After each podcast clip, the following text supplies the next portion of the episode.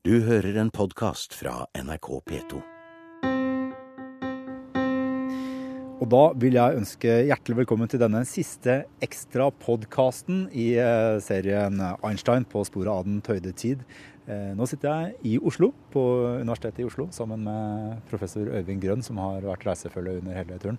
Eh, I denne siste, aller siste podkasten skal vi snakke om et begrep du er veldig glad i, romtidens elv. Men før vi kommer dit, tenkte jeg um, Du kan kanskje gi et lite hint? Gi et lite hint om hva det dreier seg om, så skal vi høre mer om det om litt.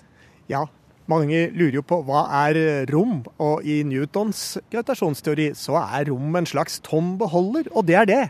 Så hvordan kan en i det hele tatt da snakke om at rommet utvider seg, når en sier at universet ekspanderer? Vel, det skal vi komme litt inn på. For aller først så skal vi eh, komme tilbake til noe vi slapp litt eh, lett eh, i, i radioprogrammet, eh, nemlig dette med Carlusa Klein-teori og hvordan eh, den ble utvikla i sin tid, og hvordan det da førte fram til det vi i dag kjenner som strengteori. Dette er tilbake til en samtale vi hadde Øven Grønn i eh, Kaput, eh, i sommerstedet til eh, Einstein. Altså, det finnes bare et slags sånt universfelt Ja. som er både eh, aspekter av det kan klumpe seg og bli til masse. Og hvis det blir masse, så bøyer det seg litt og fører til det vi kjenner som gravitasjon. Og så kan det kanskje klumpe seg på noen andre måter og bli til elektrisk ladning. Nettopp. Men jeg har jo mer tro på Calusa Klein-tanken, da. Ja. At man går opp en dimensjon og tenker seg at verden er femdimensjonal. Og så skriver man opp generell relativitetsteori der. I den femdimensjonale verden. Og det som skjer når man da projiserer gravitasjonsteorien, altså relativitetsteorien for det femdimensjonale verden, når de ligningene projiseres inn i vår firedimensjonale verden, da skjer det et under. De deler seg i to porsjoner. Den ene porsjonen det er ligningene for gravitasjon i Einsteins relativitetsteori. Og den andre porsjonen det er Maxwells ligninger for elektromagnetisme. Og dette skjer eksakt. Det er ikke engang noen tilnærmelse som skal til. Det blir eksakt slik. Det er det rene under. Det forteller meg at her må det være noe som er riktig med den tanken. Men eh, hva, er denne femte dimensjonen? Det er en eh, på en måte en, det er en romlig dimensjon. Ja. Og man tenker seg at det er en slags sylinderdimensjon med veldig liten utstrekning. Slik at når vi sier at der er det et punkt Nå holder jeg hånden her, eh, rett foran ansiktet ditt. Og så sier vi der er et punkt. Okay. Punkt ut i lufta Ja. Ja. Så sier vi nei, sier Einstein. Ifølge Kalusa-Klein-teorien så er det en liten sirkel, det du kaller et punkt. Og den lille sirkelen, den har du overalt. Så i virkeligheten så har du en hel sylinder, hvis du ser på alle mulige punkter. Og det er den femte dimensjonen. Den sylinderen som ikke vi ser, som er så liten at vi tenker på det som punkter, det der. Dette her var noe som ble utvikla på tidlig 20-tall, ca.? Litt før. Ja. Eh, det var, Det var rett, rett etter generell ja, ja. relativitetsteori. Eh, Det er egentlig den første som burde hatt navnet sitt med i dette her. Det var den finske fysikeren Gunnar Nordstrøm, 1912. Eh, som fant på det med fem dimensjoner, og, baser, og, og laget en teori ut fra sin egen gravitasjonsteori, som da kom helt på siden etter at generell relativitetsteori var formulert. Så, så, så Gunnar Nordstrøms teori den ble på en måte litt glemt. Så kom Theodor Kalusa 1919 med denne ideen. Han utarbeidet den i det som kalles svakt feltapproksimasjonen. Sendte arbeidet til Einstein. Ja, Einstein syntes det var ganske spennende, men han satt på dette et par år og ruget litt på det, før han da sendte det videre til en journal, og, og det ble publisert. Så kom den svenske fysikeren Oskar Klein 1928. Og han utarbeidet dette eksakt, denne ideen, basert på Einsteins generelle relativitetsteori. Han gjorde det hele uten noen tilnærmelser. Og det ble fortsatt slik at når man projiserte fra fem til fire dimensjoner, så kom både Einsteins gravitasjonsligninger ut, og Maxwells ligninger kom ut. Uten å legge på noe mer. Det var relativitetsteorien i fem dimensjoner, og så kom begge de to tingene ut av det. Det er flott. Men, eh, men Einstein men altså, Dette her var jo ganske tidlig, så, men, og Einstein han syntes det var interessant. Einstein syntes det var interessant, men han- og begynte å jobbe på Calusa Klein-teori sammen med, med Bergman. Ja. Og de jobbet bl.a. her i huset hvor vi står, Ja. med de tingene der. Men Einstein ble ikke helt fornøyd med dette her. Så han gikk da etter hvert over til, og det var omkring 1930, til, til andre metoder for å lage en forent teori. Ja, ok. Eh, Jeg syns det, det var litt synd. Ok, ja. For du er fan av denne teorien? Ja. Men hva, hva skjedde med du, altså, sterk og svak kjernekraft og sånt? Tar det noe plass inn i den teorien her? Ja, men det kom jo mye senere.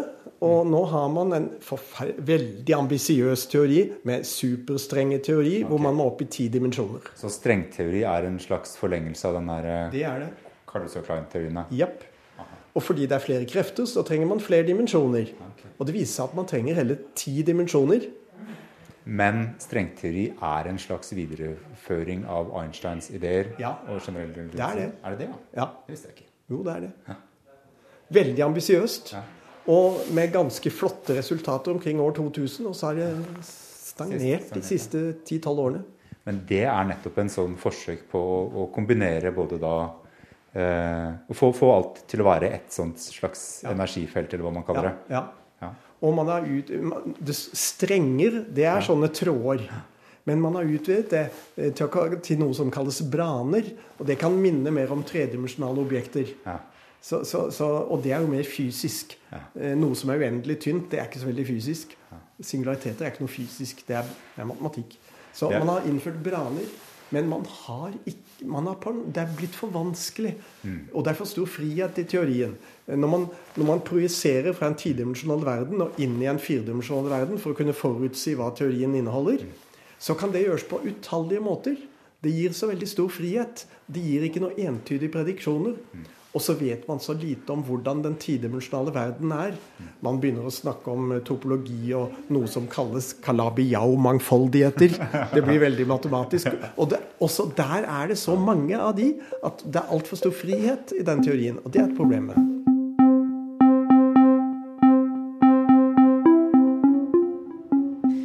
Og da er vi tilbake igjen eh, på Universitetet i Oslo, hvor vi sitter utafor fysikkbygget. Ser utover det grønn. Um, du, i, I radioprogrammet her så snakka jeg om uh, at jeg sammenligna på en måte rommet med et slags lerret. Jeg tenkte at uh, som livene våre og uh, alt som foregår i universet, males ut på. Eh, men du har et annet begrep for, for rommet, som kanskje er eh, litt mer eh, raffinert, nemlig romelva. Ja, jeg, jeg eh, har utviklet det begrepet matematisk sammen med Simen Brekk. Og eh, det er eh, litt ålreit å tenke på rommet som en elv. For det gjør bl.a. at en kan forstå hvorfor det ikke kommer noe ut av et svart hull. Ja, nå må du forklare. Du, du tenker på rommet som en, som en elv? Ja. Og det som er vannet, det er frie partikler.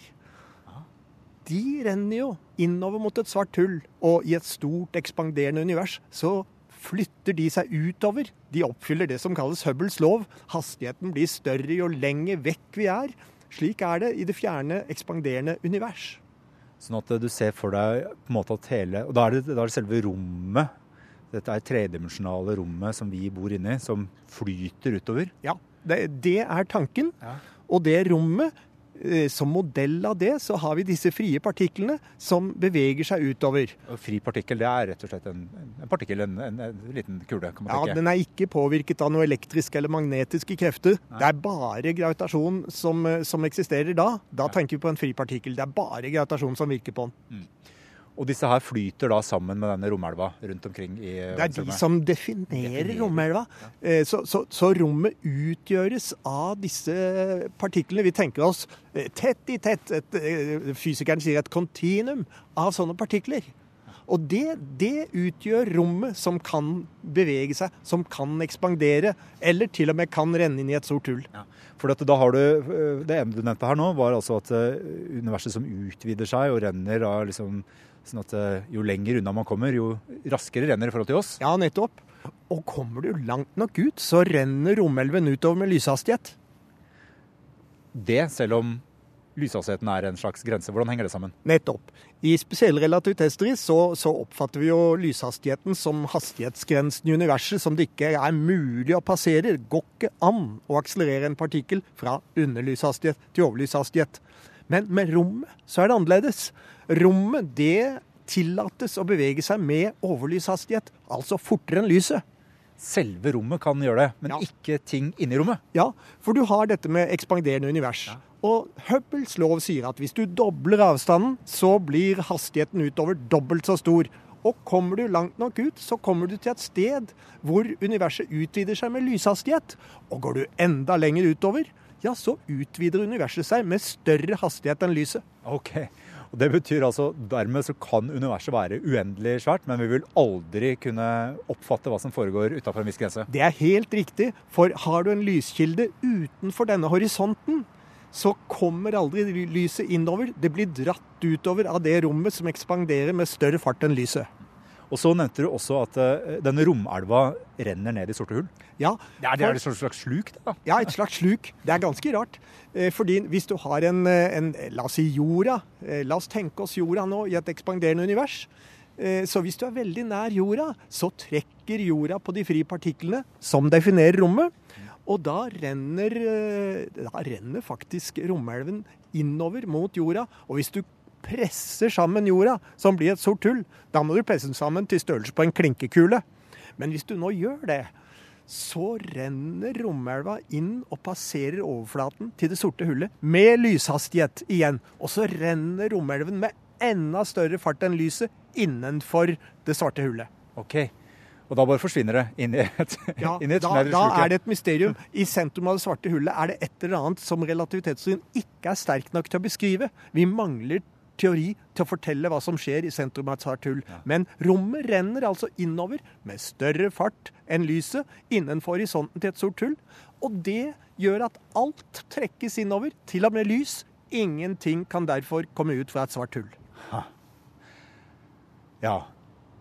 Og det må du forklare nærmere. Altså, et sort hull, det er altså vant, Mange har sett noen sånne illustrasjoner av hva som skjer. Altså, for det, det vi hører at det, det er så sterkt at selv ikke lys kan slippe ut av et sort hull. Der er gravitasjonen så sterkt. Så ser man kanskje en illustrasjon av en fyr som står på innsida av et sort hull med en lommelykt. Og så går lysstrålen liksom ut i en bue og tilbake igjen. Ja, sånn illustrasjon fins på internett og er veldig misvisende. Fordi hvis du har en lommelykt der inne, så greier ikke lyset å bevege seg utover i det hele tatt. Hvis du prøver å sende lyset oppover, så beveger det seg nedover isteden hvis du er innenfor horisonten til et sort hull. Ja, Og det er fordi rett og slett alt blir trukket inn av denne romelva. Ja, det, det, er, det er det som er eh, det bildet vi har. Ja. Og det er et godt bilde som kan beskrives matematisk. Så dette er et korrekt bilde. Og da kan man også tenke seg at hvis man var en liten ørret nedi en vanlig elv, som var blitt trukket ned i et sluk, så ville ikke den i det hele tatt klare å komme seg oppover hvis den var på vei nedover. Veldig godt bilde. Det svarer til lyset som eh, vi prøver å sende utover når vi er innenfor det sorte hullet, og så beveger det seg innover isteden. Veldig bra. Også, du har også sagt til meg at, at eh, i løpet av denne prosessen da, som vi har vært gjennom i denne høsten, Øyvind Grønn, eh, hvor vi har vært og reist nede i Tyskland og i Sveits og i, i Einsteins fotspor, og snakka mye om dette her, så har dette bildet av romelva framstått tydeligere og tydeligere for deg? Ja, absolutt. Og nå er jeg i gang med å skrive en artikkel hvor jeg feirer Carl Schwarzschild, som publiserte sin flotte løsning som beskriver det tidrommet vi sitter her og befinner oss i. Eh, Han publiserte sin flotte løsning i Einsteins teori i 1916. Han døde 11. mai 1916. Han var ved den russiske front da han laget disse fine løsningene. Og, og i arbeidet med den artikkelen så har også, og i vår reise, så har dette begrepet romelven blitt et visuelt begrep for meg. Tydeligere og tydeligere. Hvor jeg ser for meg elven som er i ro et eller annet sted i en passende avstand fra jorden. Renner innover mot jorden veldig nær. Og strømmer utover i store avstander. Ok, Helt til slutt, Øyvind Grønn, for å nøste opp i alle de løse trådene. Den siste løse tråden. Så var det sånn at I en av episodene så kunne man eh, følge vårt lille forskningsarbeid da vi satt i en bil mellom Göttingen og Berlin og utarbeida en aldri så liten teori. Hvordan har det gått med den? Den er nå sendt inn til eh, Annalen der Physik, nemlig journalen som Einstein publiserte den generelle relativitetsteorien i for, 50 år, for 100 år siden. og eh, den er da til vurdering der. Det er referier som kommer til å vurdere den. Eh, jeg har jo tro på at dette, det vi fant ut der, at vi kan regne ut eh, hvor mye mørk materie det er ved å anta at relativitetsprinsippet gjelder. Eh, det, jeg tror det er en god idé. Og i den sammenheng så bør jeg nevne en ting til om romelven. Ja. Hvis vi står på Nordpolen Ja. Og tenker oss at vi er i ro fordi vi antar at relativitetsprinsippet det er gyldig også for rotasjonsbevegelse. Ja. Så vi tenker oss at vi er i ro, og verden roterer rundt oss. Da vil den roterende kosmiske massen dra med seg romelven, og det vil være det som kalles perfekt inertial dragging. Det betyr at romelven faktisk vil rotere sammen med stjernehimmelen. Romelven vil være i ro i forhold til stjernehimmelen. Det blir en svær strøm, rett og slett? Eller det, det dannes en, en virvelstrøm, nesten? Ja. Eller? ja. Det gjør det. Og, og det kan eh, faktisk forklare at um, svingeplanet til en pendel som vi har med oss der på Nordpolen, at det roterer sammen med stjernehimmelen. Det er romelven som tar med seg svingeplanet. Og det kan også da forklare hvordan eh, et gyroskop veit hvilken retning det skal rotere i. Nettopp, for det er romelven som bestemmer det òg. Veldig bra. Og resultatet, bare så det er sagt, av denne artikkelen, da du kom hjem og regna på dette her eh, etter et 80-årslag, eller hva det nå var, Ja, så, helt riktig. Ja, så, var, så var resultatene mye sterkere enn du hadde trodd. Ja, det ble helt frapperende. Eh, fordi det lot seg gjøre ut fra antagelsen om at relativitetsprinsippet gjelder for rotasjonsbevegelse, og at vi bor i et univers med mørk materie og mørk energi, så lot det seg gjøre å regne ut hvor mye mørk energi det er i universet. Og det kom ut en veldig elegant, fin ligning som jeg ikke behøvde å putte inn noen vilkårlige tall i. Og det kom ut et svar. 73% av alt som er i universet er mørk energi, kom det ut av den eh, regningen der. Det kunne jo blitt litt av hvert, men 73% kom ut, og det stemmer forbløffende godt med observasjoner. Da er det bare å hør, hør Nobelkomiteen i Stockholm. da veit dere hvor dere skal sende prisen. Vi kommer tilbake med oppdatert informasjon om hvordan det går med arbeidet. Takk. Tusen takk for reisen, Øyvind Grønn. I like måte. Det var en stor og flott reise for meg òg, og, og fint å kunne feire relativitetsstrien sammen med det norske folk.